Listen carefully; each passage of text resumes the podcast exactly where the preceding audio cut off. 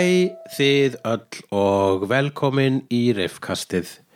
Það er Reykjavík International Film Festival eða hinn alþjóðlega kvikmyndaháttíð Reykjavíkur borgar sem gefur út þetta hlaðvarp samhliða og í tilefni háttíðarinnar til að vekja aðtegli á þessari storkusluðu frásagnarlist sem við köllum Bíó. Uh, Þetta árið verður háttíðin haldin 29. seft til 9. ótt og ég heiti Hugleikur Dagsson og er auðmjúkur stjórnandi þessa þáttar og ætla að fylla upp í þannan klukkutíma með spjalli um kvikmyndir almennt.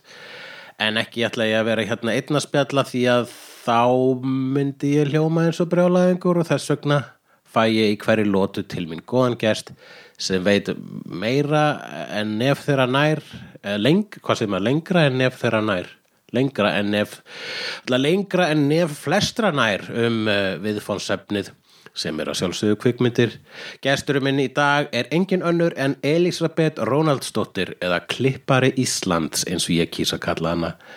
Kvikmyndinar sem hún hefur klift eru svo margar að ég hef ekki tíma til að telja þar allar upp En svo ég velji nokkra titla af handahófi þá erum við að tala um stórvirki eins og Mýrina, Deadpool 2, Dugghólufólkið og John Wick. Skellum okkur í uh, samtalið. All right, quiet on the set. Camera speed. Sound production, take one. Uh, já, kontur sæl, Elisabeth. Þakkaði fyrir hulli. Uh, hérna, gaman að sjá þig og gaman að- kynnast þér. Já, sömulegis, af því að leiðir okkar hafa aldrei leiðið saman, sem er undarlegt í þessari litlu borg.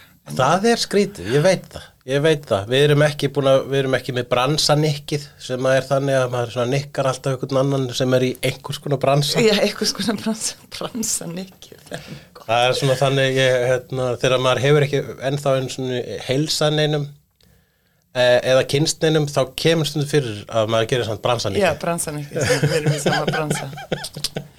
Algjörlega, en ég náttúrulega er yfirleitt lokuð inn í myrku þannig. Já, sama á eiginlega svona meir og minna við um mig, sko. Og ég er nú ekki alveg í sama brans og þú, en ég hef þann samt snert á honum. Og uh, ég hef, sko, mín reynsla af klippingu. Já, fyrst vil ég bara spyrja, finnst þið klipping vera gott íslenskt orð yfir editing? Nei, raunin ekki. Af því að það, að það gefur í skina sem verður það bara svona veginn klippa og splæsa. Já, En hérna, en hérna, hvað heitir það, sem sagt, editor, sem sagt, hvað, hvað er íslensk orðið Sko, yfir editor bókmynda? það myndi vera reitstjóri. Reitstjóri, þannig að við erum svona mynd sögustjóri. Ég, veist það, ég, auðvitað, er þetta erfitt af því að klippingar eru svo viðtækar og maður í rauninni kemur að öllu og sérstaklega eftir að, að hérna, þetta var allt digitalt það sem maður getur unnið inn í rammanum líka. Þú veist, Já. ég getur ífreima hluti og, og splæsa saman tökum og hérna til þess að ná hugsanlega betri leik eða og svo framvegis sem var náttúrulega ekki hægt hérna áður þú veist ef þú ert með tvo leikara í ramma og annar er rosa góður en svo er hinn rosa góður í annar tökku þá getur splæst þeim saman. Það er hægt. Já, jú, það að sem- sjálfsögðu þarf maður að fá aðstof frá visual effect frá hérna viðstu það, já eftir að sletta svo í þessu viðtali. Ég, hérna, ég vil taka það fram að ég hef eftir að sletta líka mjög ok, mikið í þessu. ég það, er, það eru gleður fréttir þá lít, lít og, ég og ekki það, verður líka bara raung íslensk málfræði á fullu Heyrðu, þetta er minn Já, staður ég bara, hérna, uh, ég er, eh, hvað heitir það, hérna, þáufálsveikina, Já, bara já. krón, króníska þáufálsveiki er mér tjáð. já. ég tel mig tala mjög góða íslensku eins og kann ég ekkert að skrifa hana ég, öll þessi Já, já, ég, ég, skrifa ég, hann ég sko ágætlega. einu skrefi frá því að vera lesblind held ég en hérna tala hana mjög vel Ok, já, það er nú bara svona, er það ekki eitthvað sem fylgir skapandi fólki? Jú, jú, alls konar raskanur Já, jú, það er okkur afsökun. Það, já, já, okkar tilvera bara litast, litum röskunar Sko, já, þannig að, sko, uh, ég á líka eftir að segja sko, úrsláft.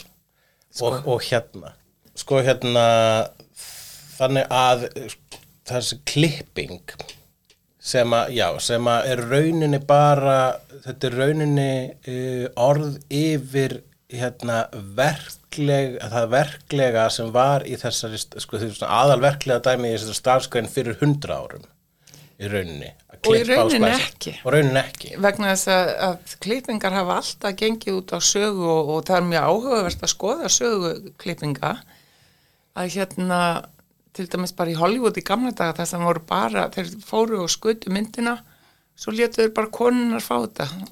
Þar á meðan Marli, Marlin Monroe hef ég heyrt sem að nýtti tíma sín í að klippa. Og hérna þær, þær sátu bara með þetta fengi að gera í rauninni það sem þeir vildu. Svo kom bara stúdíu og þú veist hérna yfirmaður ykkur og, og skoða þetta hjá þeim. Og svo fór þetta í bíó þú veist. Já, þannig að þetta hefur alltaf gengið ok, ég er með svona af því að maður er alltaf að reyna að skilja sjálfum sig og Já. hvað maður er að gera og ég lít þannig á það að ég sé í þýðingum. Ég er að þýða það sem er í handriti hvort sem það er byggt á, á bókmyndum eða ekki. Þá er ég að þýða það sem er í handriti yfir í tungumál kveikmynda og eins og í öllum öðrum þýðingum þá getur maður þurft að færa til setningar eða, eða orðjafnvel já, og það sama gerist með handritið.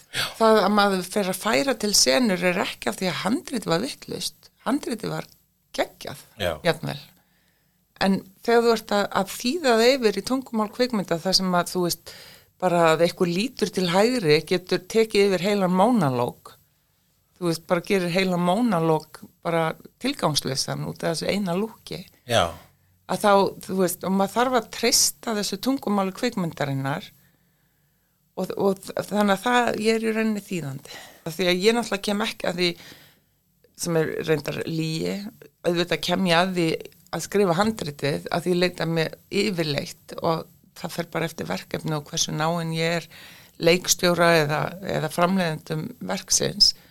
En þá fæ ég oft handrit þú veist send, gef nótur fæ það aftur send, gef nótur þú veist, ég fæ að vera með í lúpun já, fyrir tökur þá.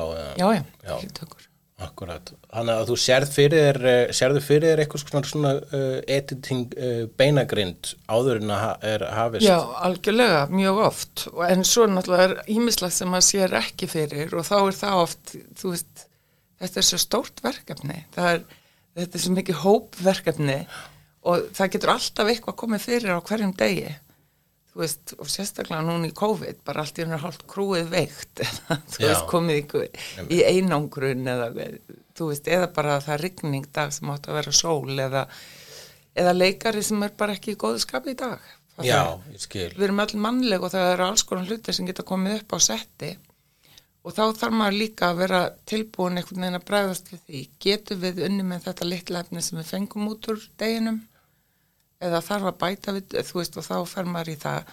Svo er náttúrulega er það líka, þú erum með æðislegt handrið svo kannski meðin tökum það bara við höfum ekki efni á tveimu sprengingum þú Einmitt.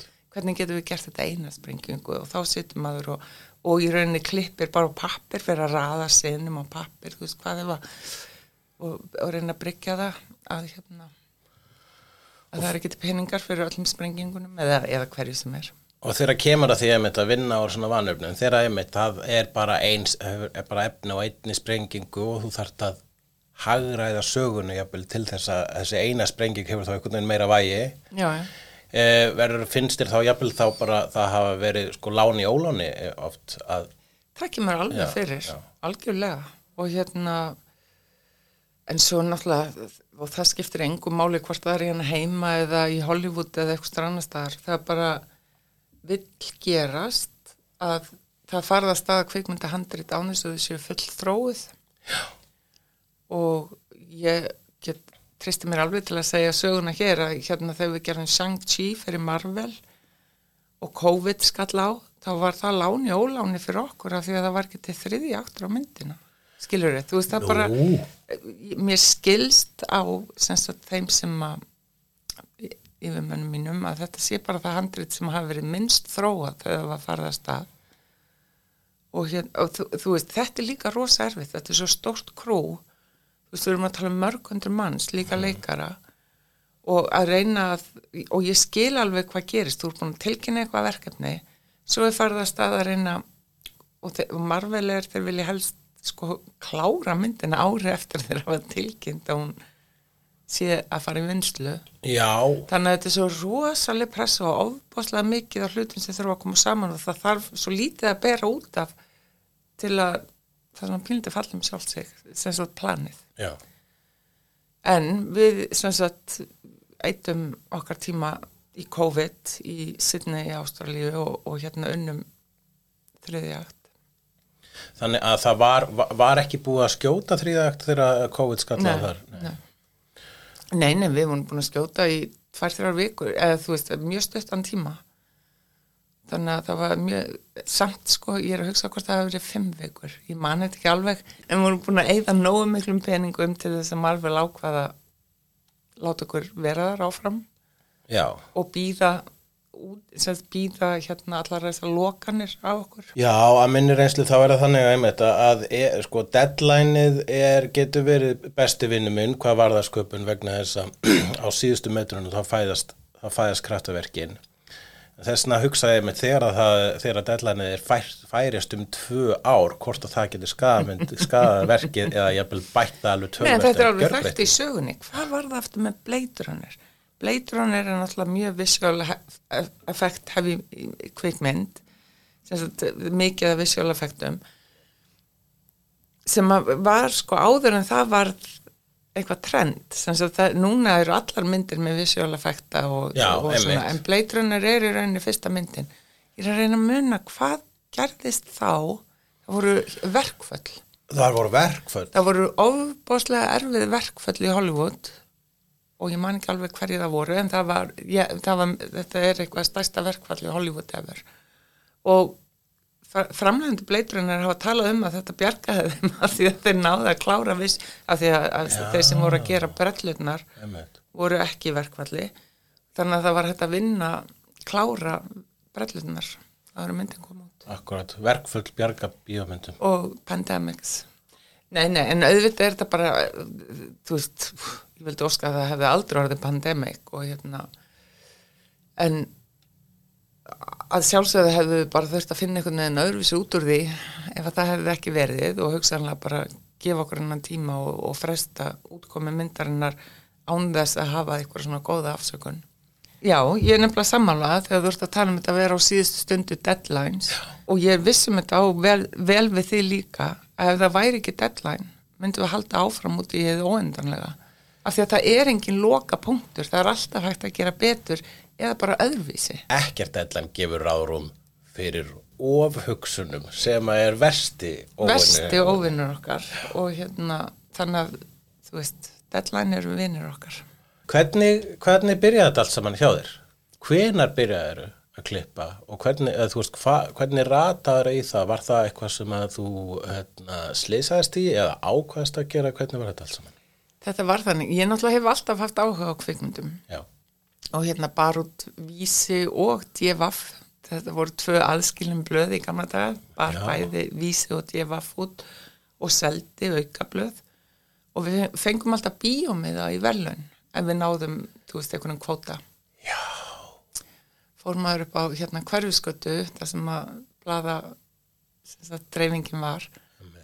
Og fekk bíómiða í hérna Bragga bíó á hérna Barónstík Braggabíó á Barónstíð.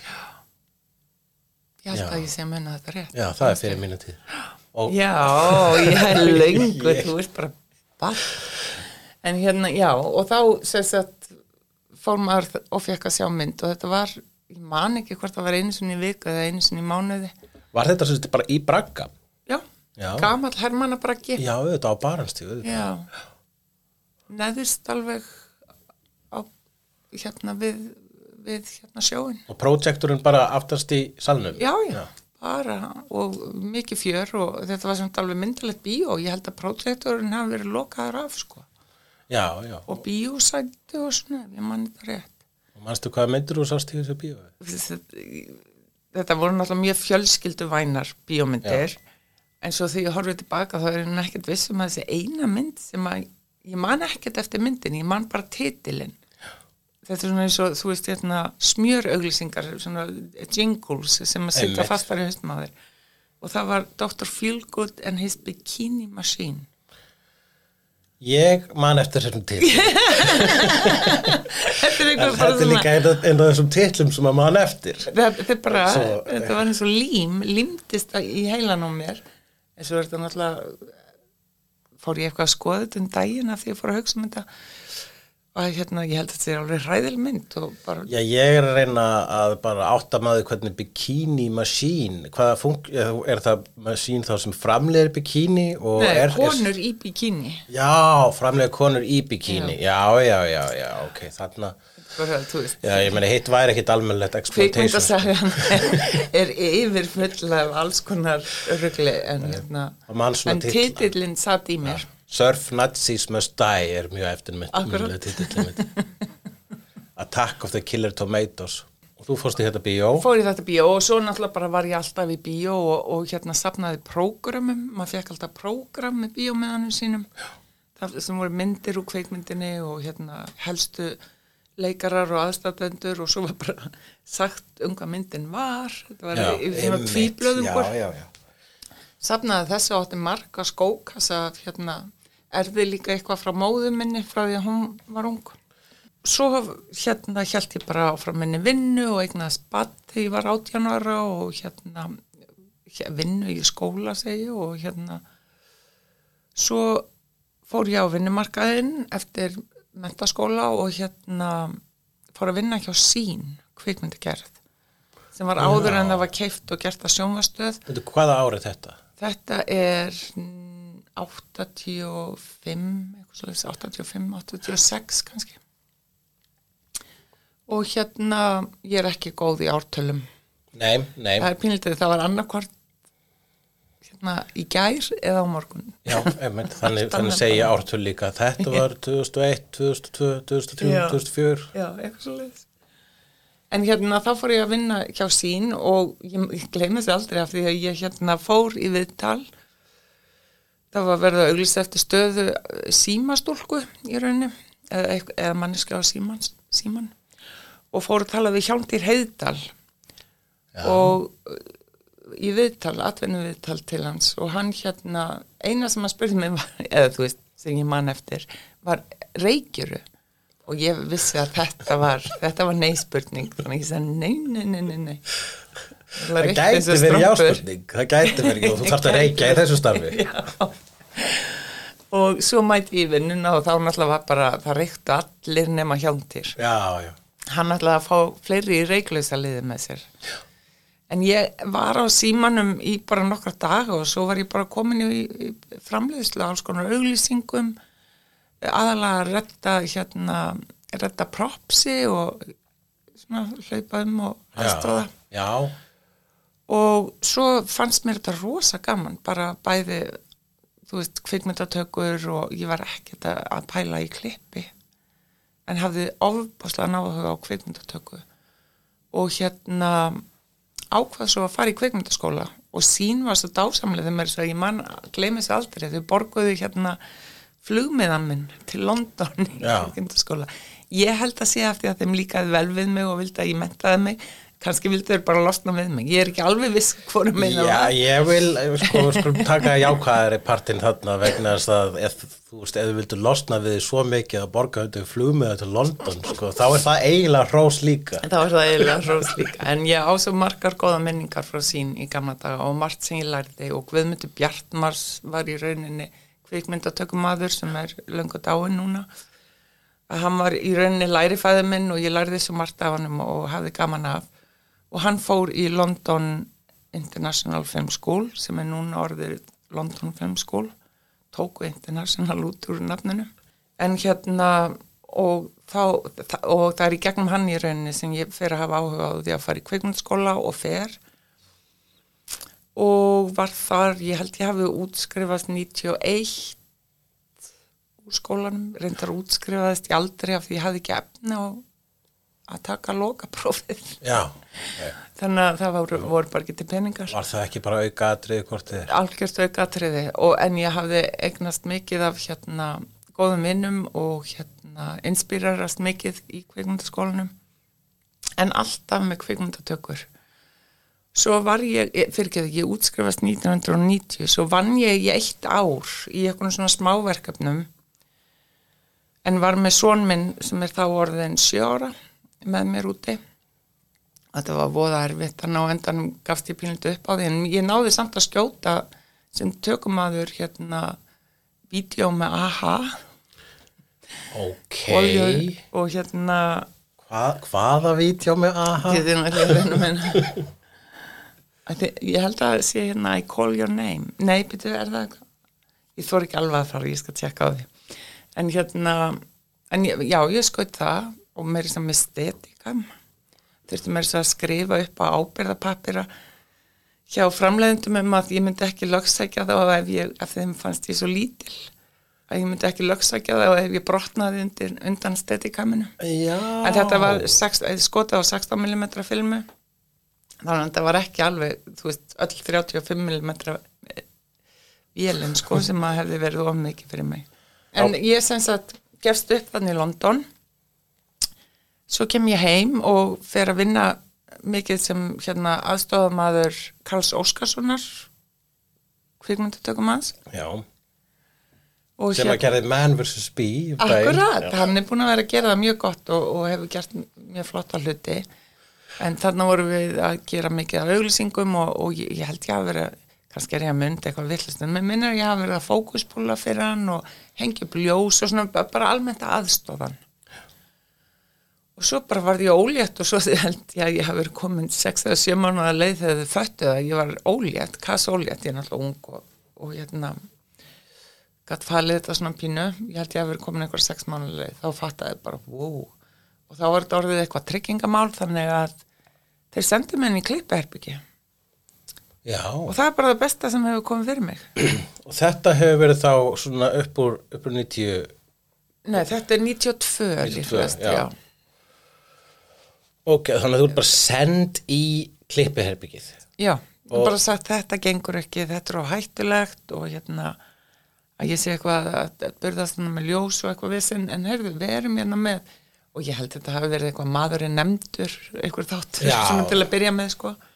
En við erum með þetta og þú getur unnið í því. Og ég bara einhvern veginn auðvitað til að byrja með var þetta líka bara svo þægilegt sem þá að verða tvekja barna og var svo tvekja barna móðir einstæð að þá bara var þetta rosalega þægileg tímastjórnun. Ég hafði miklu meira vald á tíma mínum í kleipaherbygginu. Þannig að minna stress í þessari vinnu eða allavega að einhverju leiti. Já, ég held að maður stjórnun og alveg stressinu sjálfur sem er geta verið voðalega stressaðar. Þannig að það er kannski ekki beint stressið en það er svona tímastjórnun. Ef ég er að fara að mæti vinnu og barnið, segjum bara dagmamman af því að þá er eitthvað dagmammi system Já. dagmamman allt í henni ringir og segir heyrðu, ég bara held að ég sé með kvef. Og ég er svo bara ekki að vinna í dag. Sem var mjög algengt. Að þú veist að því eitthvað kom upp og auðvitað vill fólk ekki smita og allt það. Og þá satt maður allt í henni með barn og kannski hvað, hvað ef það hefði verið 50 manna krú bíðandi eftir mér. Einmitt.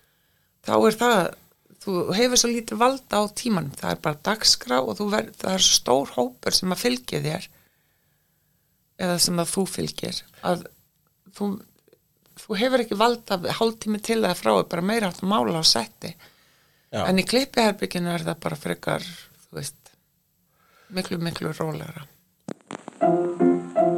Let's all go to the light. Þetta lag þýðir aðeins eitt. Það er komið hlje. Vissu þið að Ísland er eitt af örfáum löndum sem hefur hlje í bíó. Sko það er vissulega glæpur gegn kvikmyndum en ég skil það. Að þetta er solid leið til að selja meira pop og kók en riff nota bene tekur ekki þátt í svoleiðis kæftæði engin hlje á riff en ég leifi mér þó að hafa hlje í þessum þáttum og það á góðri ástæðu. Ég ætla að nota hvert hlje til að plugga eitt stykki spennandi ræmu sem tekur þátt í riff í ár Í þessu hlje er það kvikmyndin pornomelankólia. Pornomelankólia, er það orð? Ég fletti þessu orði upp og samkvæmt internetinu er þetta orð ekki til. En það er til núna. Í formi titils þessar tilteknu heimildamyndar eftir Manuel Abranovich. Myndin segir frá mexikoskum einstaklingi sem kallar sig Lalo og er svo kallar kynlífsinfluencer. Lalo stjórnar sínu ein lífi og reykur sinn ein business sem felur í sér eins og ég sagði fyrir 6 sekundum að vera svo kallar kynlífsinfluencer sem að er væntalega einhvers konar svona OnlyFans dæmi. Lalo stjórnar lífi sínu og starfi 100% en þrátt fyrir það stríðir hann við svakalegan lífsleiða. Hens titillin Porno Melancholia sem var í góðu titill að plötu með Peaches. Hvort að skilabóð porno melankólíu séu þau að öll kynlífsinfluensin leiðir undantekningalöst að lífsleiða eður ei veit ég ekki. Þessna langar mig til að sjá hana því að bara þessi takmarkaða lýsing sem við höfum því bara þessi takmarkaða lýsing sem við höfum um myndina er forvitnileg eins og mother og fokkar. Hér er að ferðinni heimild um kúltúr sem við höfum bara talað um í kommentakerfum. Porno Melancholia er sínd á Riff í ár. Frekari upplýsingar er að finna á riff.is. Ok, nú skulum við fá restina af frásögn Elisabetar um undraheima klippara.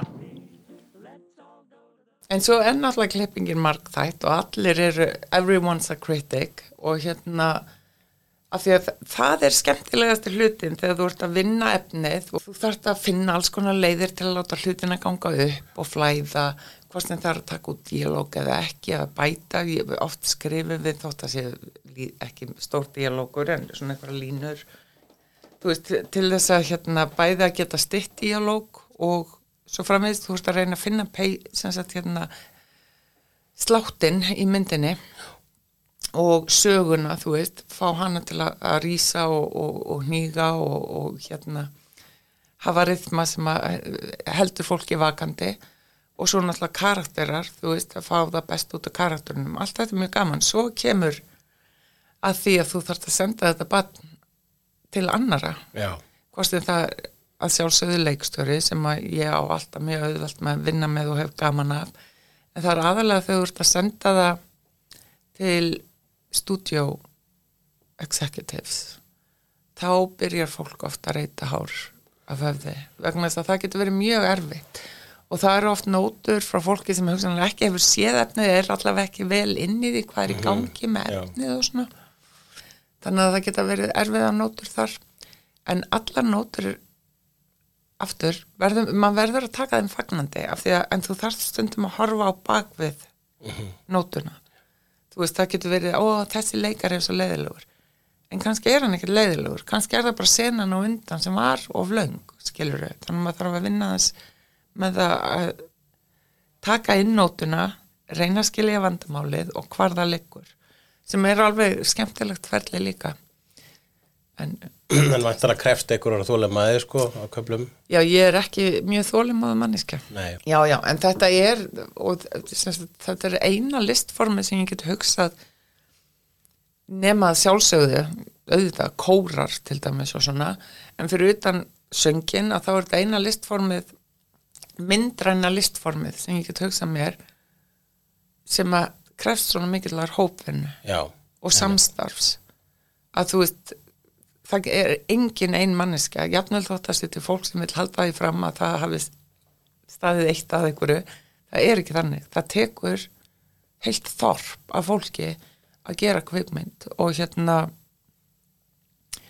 og mér finnst það svo ofbúslega skemmtilegt að vera í þessu stöðuga samtali ekki bara við leikstjóra minn og framleiðendur og hugsanlega stúdíó heldur líka bara krúið, þú veist að vera í þessu samtali við tökumann við, þú veist há- hár og make-up og þú veist það bara allaveg, bara, eins og ég segi, þetta er heilt þorp og svo náttúrulega stönd og áhættu, áhættu atriðin sem að fylgir þeim alltaf hópur af fólki sem að sem að krefst líka samtals sem að er alltaf mjög gefandi og skemmtilegt og lærdómsverið.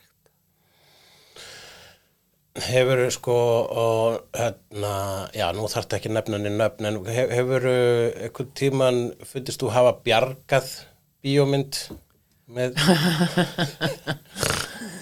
með þínu innleggi Uh, nei, uh, hins vegar ger ég mikið af því sem kallast lækningar. Já, Fæ sendar myndir sem ekki hafa gengið alveg upp. En að bjarga og bjarga ekki málið er aftur. Þetta er svo mikið hópverkefni. Og ég hef oft sagt að, þú veist, ég get ekki gert neitt sem ekki er þarna. Nei, fattar Einmitt, þú veist. ég get hugsanlega fundið einhvern annan vingil eða gert einhverja hluti öðruvísi sem að hugsanlega bætir eitthvað. En þetta er það, efnið er þarna. Er, þú veist, ég dreg það ekkert út úr þú veist, vasanum hjá mér. Bara er þarna. Það er búið að framlega, búið að skjóta það Já, ég var kvikmyndagagrínandi í nokkur ár. Þannig að ég vann við að segja skoðunum mínar á, eða vann við, ég fekk mjög lítið borgað. Og uh, við að segja skoðunum mínar á kvikmyndum og svo hef ég síðan bara uh, nokkur sem farið í það að skrifa uh, handrit fyrir sjórp og uh, eftir það þá hef ég ekki að hugsa mér að gaggrína kvikmynd. Nei, og það, en gaggrín er náttúrulega all, Mag- þú veist, þú getur ekki gert alla ánaða það. Er Nei. ekki hægt, það er bara ekki hægt. Og hérna mér finnst bara skipta alltaf miklu máli að auðvitað, manni þykir væntu myndirna sínar og vill að þær gerir vel og finni sinna áhörundahóp þú veist, við erum búin að leggja það er fullt af fólki og við erum öll búin að leggja okkur rosalega mikla vinnu. Og að sjálfsögðu viljum við bera fram það sem við ákvaðum að væri það besta sem við getum gert. En svo verðum við að bara sleppa.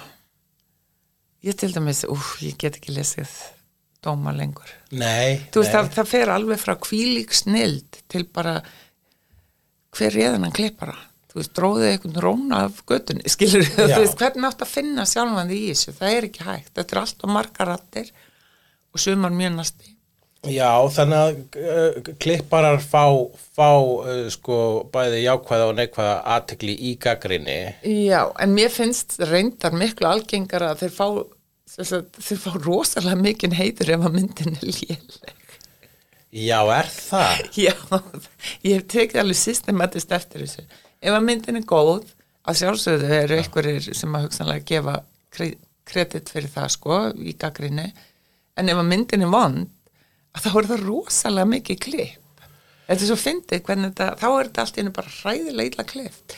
Eitt gott dæmi um þetta er til dæmis Bohemian Rhapsody sem kom út og það var strax ráðist á klipparan yfir því að þetta var undarlega tökur og undarlegt undarlegt einhvern veginn hvernig þetta var sett saman og af hverju klippi þetta skot og af hverju klippi hitt og þetta var mjög fær klippari sem vann við þessa mynd örgulega bjargani Já. En ef að leikstjóri og, og kvikmyndatökumæður hafa til dæmis ekki sens á línunni þú veist þessi Einmitt. fræga lína og maður lendur alveg í því ég er ekki að segja að það hafi verið vandamáli þarna ég er bara að segja að það, það getur komið upp að þeir hafa bara ekki sens fyrir línunni þegar blokkeringar eins og mér finnst það hafa verið rosalegt vandamál í Bohemian Rhapsody blokkeringar Já.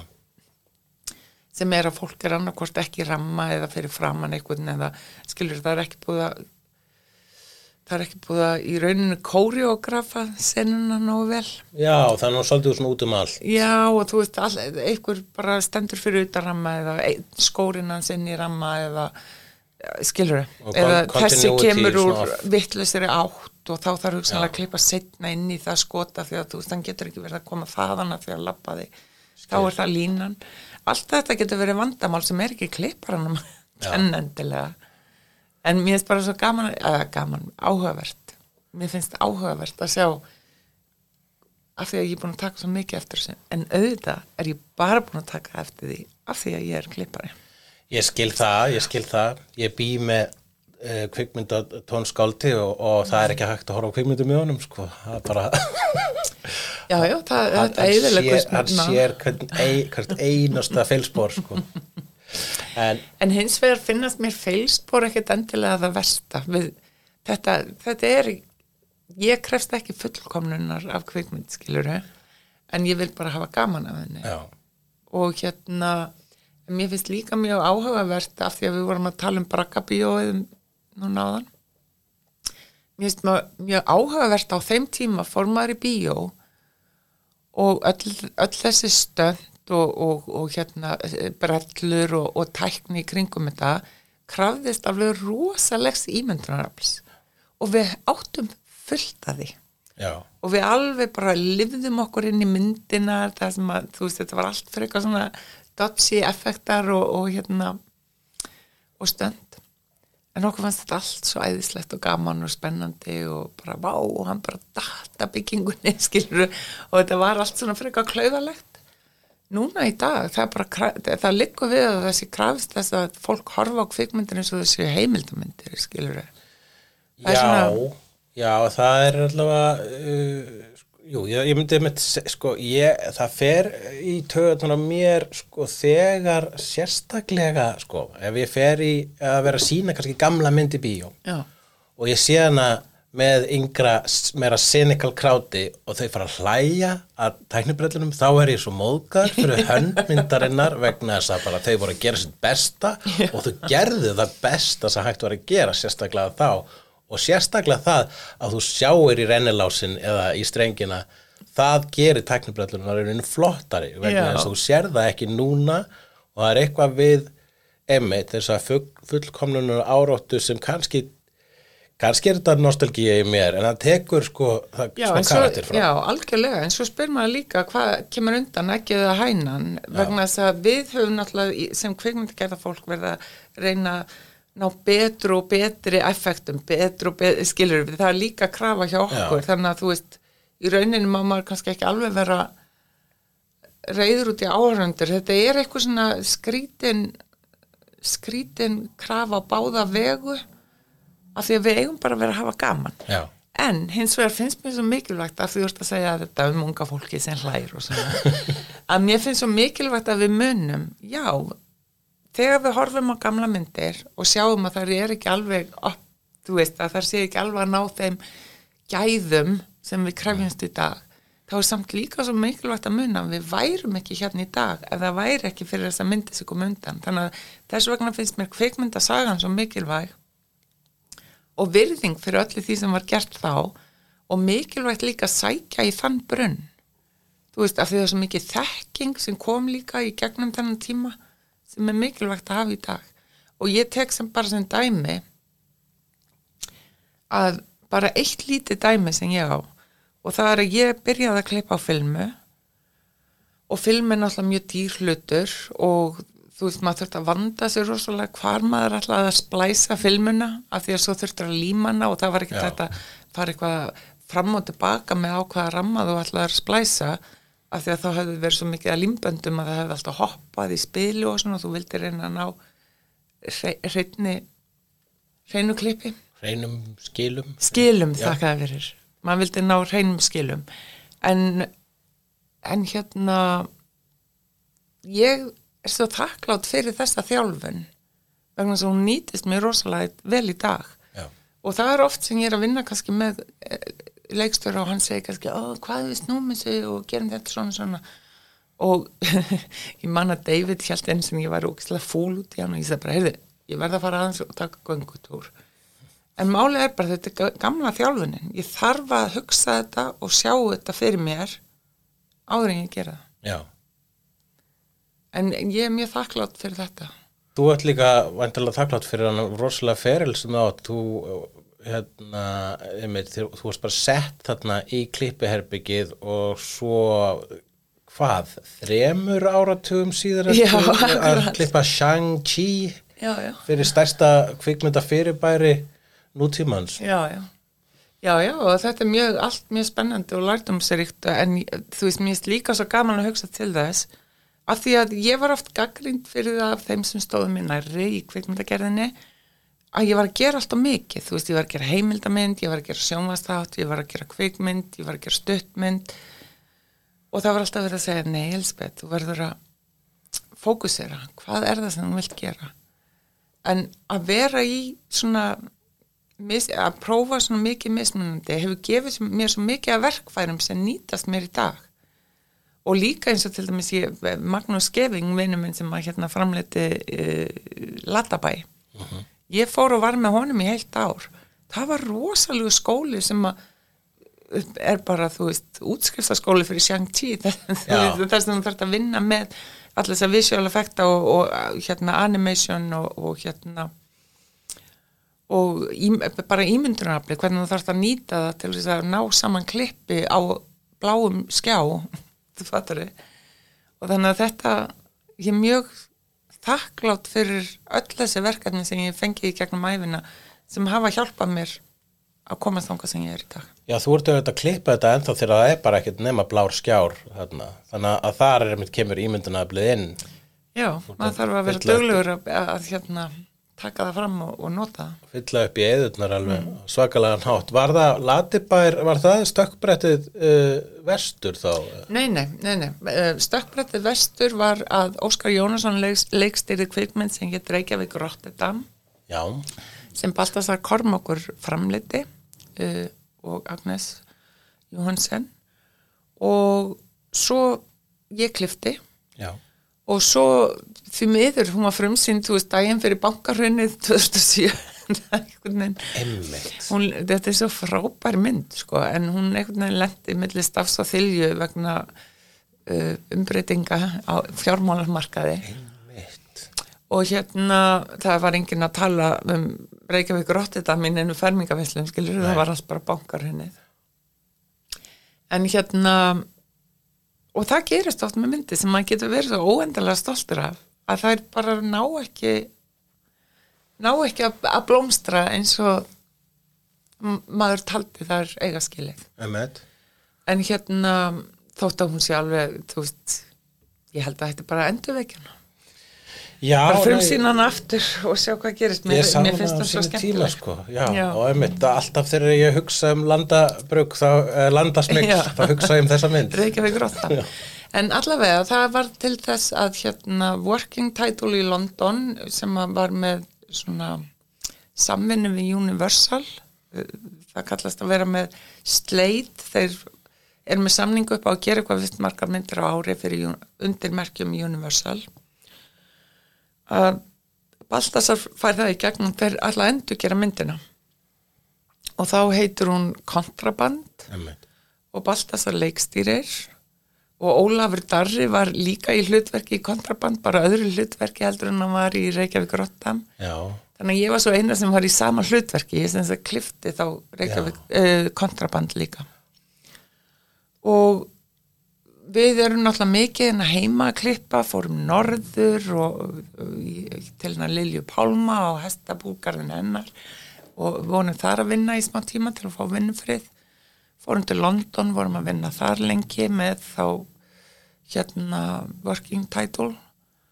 Og svo þurftum við að fara til Ameríku til að skrína myndina og hérna testskrínana sem sagt fyrir áhorundur og fánótur og, og rýna í Excel-skjöl um hvort öllum líkaði myndin. Já, og á þessum ferðalögum til Ameríku þá hitti ég konu gegnum sameinlega vinn sem heitir Dodie Dern sem meðal annars klifti Memento og The Snyder Cut og skilur hún er með alveg rosalega frægar klippingar þarna ferð. mjög, hún er náttúrulega alveg rosalega flott og við urðum bara svona góðar vinkonir og hún, við náðum svo vel saman og erum enn í dag bara eina af mínum bestu vinkonum.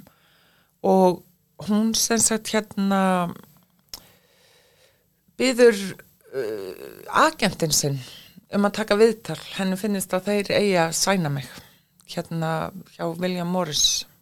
Já, sem er önnur stærsta agensían í Ameríku.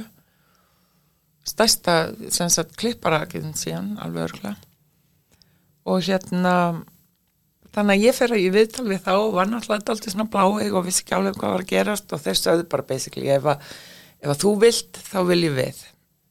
Þannig að við samtengtum það. Svo var það ekki fyrr en cirka árið setna ég held að hafi liðið ár. Heyrði ekkert frá þeim og var náttúrulega að vinna með balta og svona og þá fór balt í verkefni og var með annan klippar á því og þá fæ ég allt í hennu bara símtal frá agendnum sem byggðum um að fara og hitta tvo stöndar sem ætlaði að vera vildu verða leikstjórar. Og ég verða við ég fekk smá í magan og hugsaði bara þetta er, þetta er endalókin svona Já. byrja endalókin tveir stöndar sem vilja verða leikstjórar. En ég fór að hitta þá Chad og David Leach Chad Stalski og David Leach. Og David var endur ekki á sem fyrsta fundi fór að hitta Chad hjá 8711 sem er sem að var stöndstúdjó sem þeir voru með. Og við náðum bara svona saman. Ég meina hann var búin að sína mér þú veist, við eitum öllum deginum saman að tala um kveikmyndina og, og, og alls konar.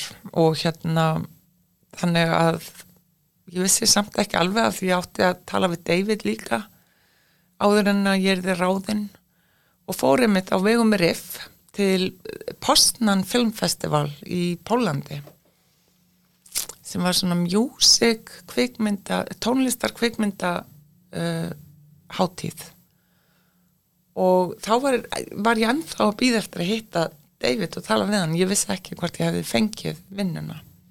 Var náttúrulega búin að lesa handritið og eða degi með tjátt og var mjög spennt fyrir þessu það er alltaf svo inspírandi að hitta fólk sem er með svona mikla passion mikla ástríðu fyrir kvikmyndagerð eins og tjátt og svo David.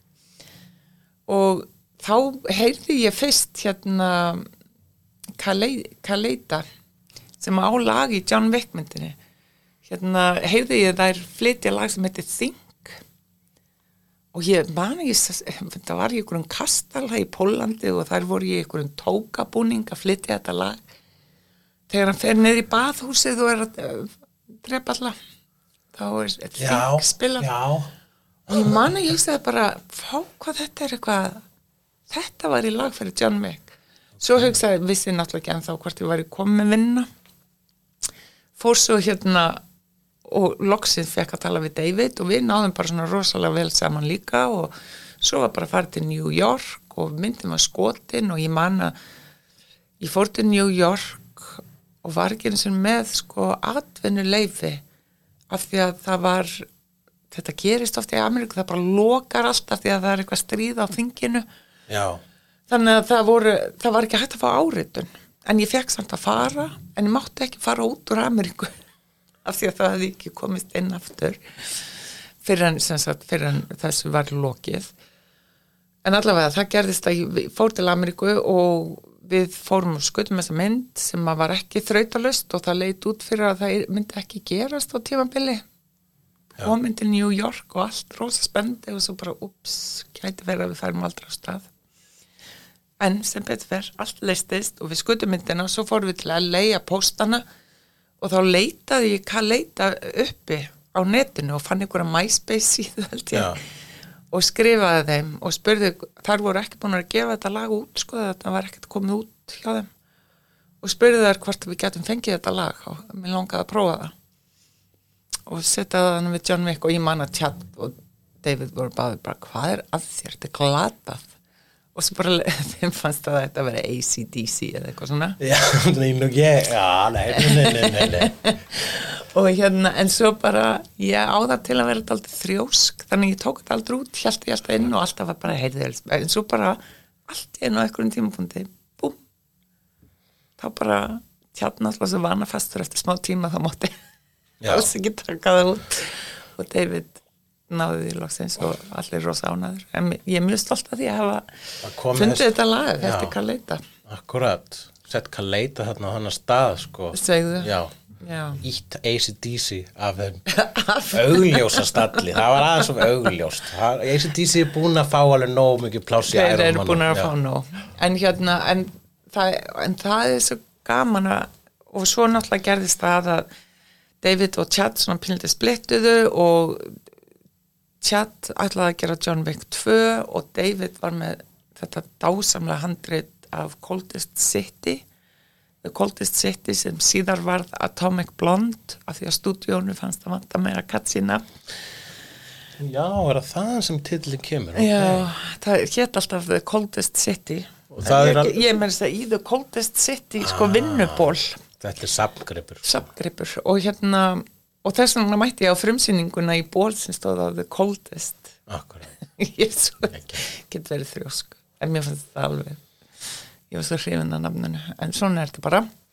Byrju, hvar voru við, hvað var ég að segja þér Eh, já, að þá sem sagt uh, Chad er að fara að gera John Wick 2 og uh, David er að- með þetta handrit að The Coldest City aka Atomic Blonde og hérna með Charlize Theron og ég náttúrulega þú veist bara smá regla, ef það er kona þá fylgja henni. Bara elda konuna. Já, já, auðvitað. Og svo fannst mér líka bara ekki alveg tímabært að gera aðra John Wick af því að veist, ég er nýkomin úr John Wick þegar það var farðast að það var vallaliðið árið. Ég fór með Chad og David til Þískalands sem var rosa skemmtilegt. Ég væri til í að gera meira því. Það var svo auðveld við fórum til Berlínar saman við þrjú að það, hvað hétt þetta? Agent 47 eða 41 eða eitthvað svoleiðis. Hitman Agent 47 Já, já, já, tölvuleikja beint Já, tölvuleikja, þetta er beint á tölvuleik en þá hérna byggðu David og Chad með, mér að koma með sér af því að þeir átt að gera þrjár risastóra aksjónsenur ekki, kliftum ekki myndina bara þess að þrjár aksjónsenur og það var rosa gaman. Og þá sem sagt þá, það er þá sem að hérna David skýtur að mér þessi handriti að Koldi City og það var náttúrulega bara stórkastlegt fórum til Budapest að skjóta það og póstuðum svo í Los Angeles og að hluta til í Svíþjóða því að Svíþjóð var með grafík og visual effekta og uh, hérna Chimney sem er fyrirtæki í Svíþjóð í Stokkólmi þannig að við fengum að ferðast maður sem var gaman og, og hérna svo kláruðum við þetta í LA og já, bara geggjað bara með það. geggjað sko það er einmitt þetta, þú ferðast einmitt svona rosalega mikið fyrir þessa vinnu og það er kannski eitthvað, ekki eitthvað svona sást fyrir þegar þú varst sett í klippi herbyggi sem að á sko, sko já, á yfirborðinu hljómar eins og að þú verður í skrifstofustól í gluggaleysu herbyggi þar sem eftir er Já, já.